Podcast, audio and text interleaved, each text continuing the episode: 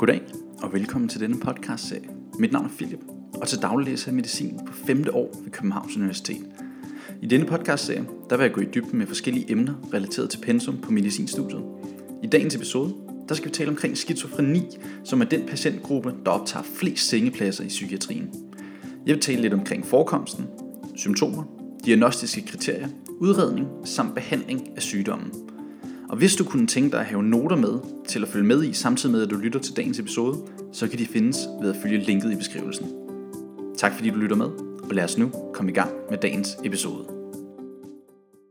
Skizofreni er kendetegnet ved karakteristiske forstyrrelser af patientens tænkning og perception samt følelsesliv. Skizofreni det er en alvorlig og ressourcekrævende sygdom, og det er den diagnose, der optager flest sengepladser i psykiatrien. Og det, det er på trods af, at udviklingen af nye behandlingsformer har forbedret prognosen, således at der er flere, der kommer sig helt eller delvist, og dermed kan opnå en god livskvalitet igen. Skizofreni det ses hyppigere blandt mænd, og det debuterer ofte i 20-30 års alderen.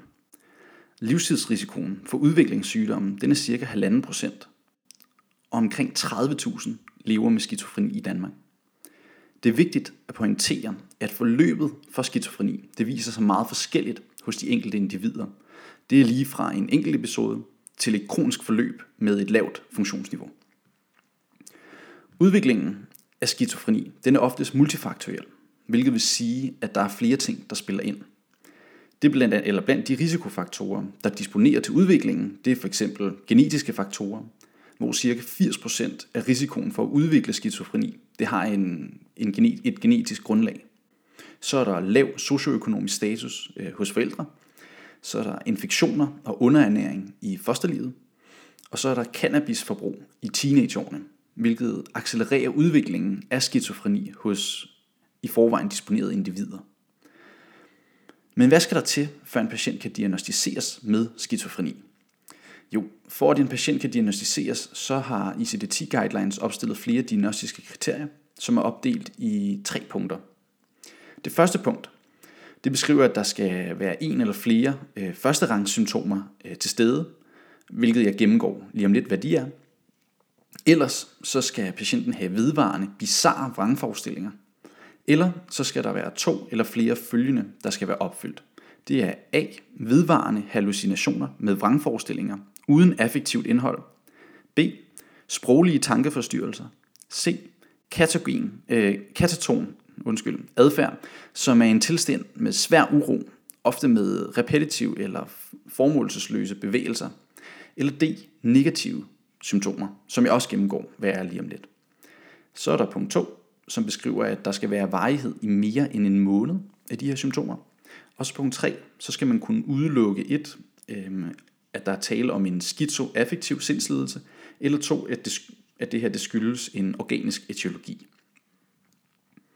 Hvilke symptomer præsenterer en patient med skizofreni sig så med? Jo, symptomerne ved skizofreni de opdeles i positive, negative og kognitive symptomer. Overordnet så har medicinsk behandling god effekt på de positive symptomer, men i mindre grad øh, effekt på de negative symptomer. Hvad er positive symptomer så? Jo, det er symptomer, som raske normalt ikke har. Og derfor så taler man om, at det er tilføjet symptomer på grund af sygdommen. Positive symptomer, de omfatter blandt andet hallucinationer, vrangforestillinger og tankeforstyrrelser.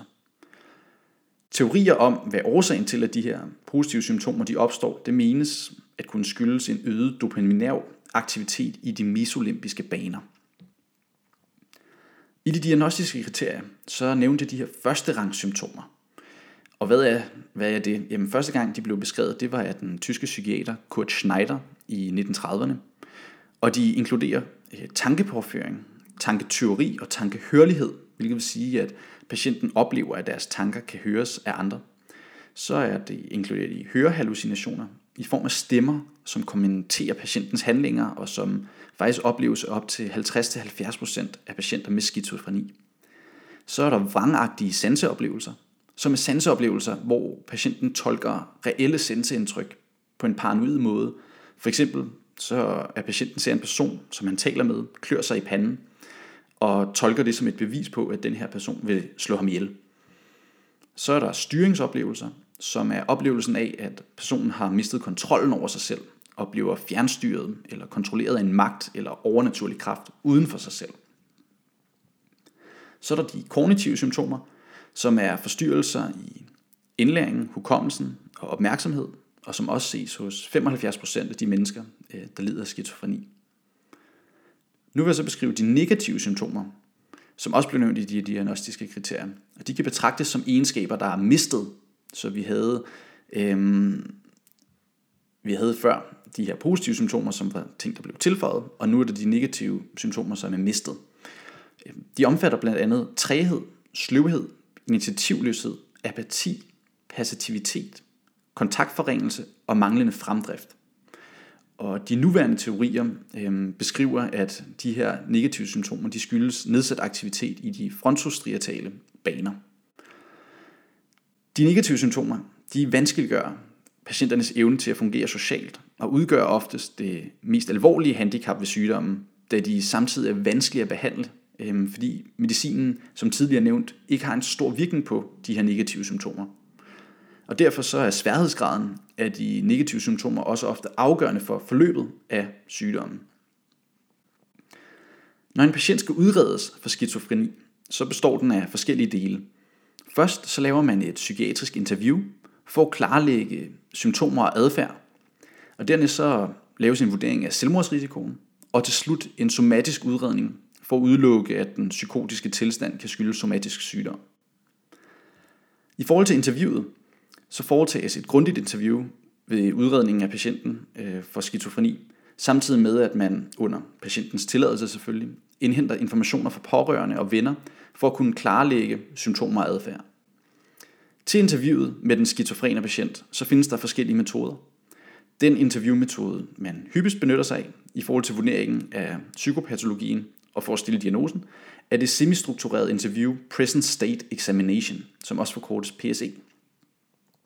Jeg har i billedet vedhæftet en oversigt over PSE-interviewets punkter, men overordnet så afdækker PSE øh, symptomologien inden for de, væsentlige psyko, øh, de væsentligste psykopatologiske kategorier, lige med undtagelse af personlighedsafvielserne.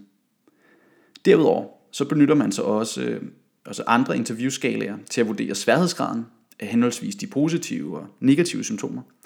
Det er blandt andet Positive and Negative Symptom Scale, også forkortet øh, PANS. Ved udredningen og behandlingen af patienter med skizofreni, så er det også vigtigt at vurdere patienternes selvmordsrisiko, da størstedelen af skizofrenipatienter har haft selvmordstanker, og faktisk op mod 10% ender med at begå selvmord.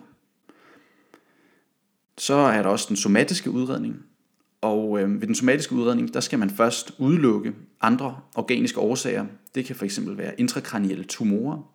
Der tager man en CT eller MR-scanning af cerebrum. Så er det epilepsi, hvor man tager et øh, EEG. Så er der også stofskiftesygdomme, hvor man tager forskellige blodprøver. Og så en urinscreening til at vurdere øh, mistanken om misbrug. Dernæst så vurderer man også øh, den overordnede somatiske tilstand hos patienten, inden en given psykofarmakologisk behandling startes op.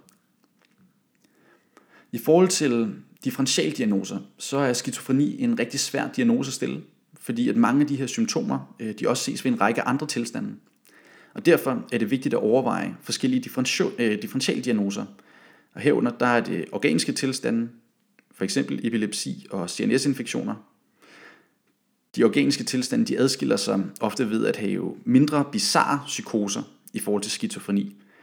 Der ses også bevidsthedspåvirkning ved de organiske tilstande i modsætning til skizofrene patienter, der oftest er bevidsthedsklare. Organiske lidelser har også ofte en senere debut i livet i forhold til skizofreni med en debut inden 30-årsalderen. En anden differentialdiagnose det er langvejs stofmisbrug. Men der kan man, altså for at øh, finde forskel, så de her stofinducerede psykoser, de forsvinder oftest efter dage til uger med afholdenhed, hvilket kan differentiere de to tilstande. Så er der de affektive lidelser, som er svære depressioner og manier, det er svært at skille mellem de her, øh, disse, øh, da en, tredje, en tredjedel af de patienter, der får diagnostiseret skizofreni, faktisk debuterer med en depressiv tilstand. Så er der de paranoide personlighedsforstyrrelser. De har dog en mindre tendens til social isolation i forhold til skizofreni. Og så er der også ofte en øget affektlabilitet ved paranoide personlighedsforstyrrelser, hvorimod dem med skizofreni, de har oftest en affektafladning. Skizofreni sygdommen, hvis man, den kan, selve forløbet kan opdeles i nogle forskellige faser. Den første, det er den præmorbide fase. Det er perioden fra fødslen og frem til de første uspecifikke symptomer, som for eksempel er nedsat neuromotorisk udvikling. Det vil sige, udviklingen af gang og tale, den forekommer senere i forhold til jævnaldrende. Så vil i den præmorbide fase, så vil de også øh, have svært ved eller problemer med indlæring og koncentrationsbesvær. Så er der det, der hedder prodromalfasen. Det er, mm, det er psykiske symptomer og adfærdsændringer, som forekommer i puberteten, som dog ikke altid er specifikke symptomer for skizofreni. Samtidig så udvikles også svage negative symptomer langsomt. Det er for eksempel, at patienten har haft ofte dårlige, altså dårligere social funktion og betragtes ofte som værende doven af familie og venner. Så kommer den næste fase, som er første episode, som er selve debuten af de psykotiske symptomer. Og udvikler sig ofte gradvist, men kan også opstå akut. Her er det vigtigt at påbegynde behandlingen hurtigst muligt, da varigheden af ubehandlet psykose, også kaldet øhm, duration of untreated psychosis, medfører en alvorligere prognose faktisk. Så er der de akutte faser, som øh, består af mange psykotiske symptomer med svær angst og stor selvmordsfare. Der, I de her akutte faser, der har patienten oftest øh, manglende sygdomsindsigt, fordi at patienten er opslugt af sine psykotiske tanker. Ofte så øhm, opstår de efter ophør med øhm, medicinindtagelse eller ved udsættelse for større psykologiske belastninger. Den næste fase, det er stabiliseringsfasen, hvor de psykotiske symptomer de klinger af, og patienten gradvist vender tilbage til en normal dagligdag. Til slut så er der vedligeholdelsesfasen, hvor symptombelastningen er minimeret, og patienten har genomrettet sin sociale funktion. I vedligeholdelsesfasen, der nedjusteres den antipsykotiske medicin langsomt til den lavest effektive dosis. Hvis vi så skal tale lidt omkring behandlingen af skizofreni, så er formålet med behandlingen at kontrollere de positive symptomer som vangforestillinger og hallucinationer, ved at man har den lavest mulige dosis af antipsykotika. Alt det her samtidig med, at patienten hjælpes til at genetablere et selvstændigt liv. Behandlingen den består af et farmakologisk og et non-farmakologisk aspekt. Hvis vi tager starter med den farmakologiske behandling, så virker selve de, præparaterne, den medicinske behandling, på de positive symptomer primært. Og i den akutte fase, der giver man få milligram risperidon, hvor at man så derefter øger dosis i forhold til virkningen og bivirkningerne. Når man opstarter behandling, så skifter man oftest mellem forskellige præparater, inden man finder det helt korrekte øh, præparat. Og det er fordi, at der ofte er stor følsomhed for bivirkninger hos patienterne i førstegangsbehandlingen. I den øh, akutte fase, så supplerer man også ofte med benzodiazepiner på grund af angst hos patienten i det akutte forløb. Hvis det her, den her behandling den er utilstrækkelig, og der er en utilstrækkelig effekt af den antipsykotiske behandling, så forsøger man øh, at behandle med clozapin, som er det kraftigst virkende antipsykotiske stof. Det har dog rigtig mange bivirkninger også. Overordnet så er der en tommelfingerregel om, øh, for hvor længe man, øh, man fortsætter den her behandling, og det er, man behandler cirka et år efter den første episode, hvis patienten har været asymptomatisk siden da. Den non-farmakologiske behandling, den består af familieterapi, som er et, det er ret vigtigt for at minimere risikoen for tilbagefald, når pårørende de er i stand til at forstå og, og håndtere sygdommen. Så øh, består den non-farmakologiske behandling også af psykoedukation, som er undervisning omkring sygdommen og behandling, så patienten kan takle sine vanskeligheder. Og så også øh, social færdighedstræning for at forbedre patientens evner til daglige gøremål. Det var sådan set alt for denne episode omkring skizofreni. Til udarbejdelsen af denne episode, der har jeg benyttet mig af Fadel Psykologibog, 6. udgave. Jeg har også benyttet mig af lægehåndbogen, og så har jeg igen benyttet mig af Psykiatrisk Notesamling af Nils Ockels. Vi ses i den næste episode.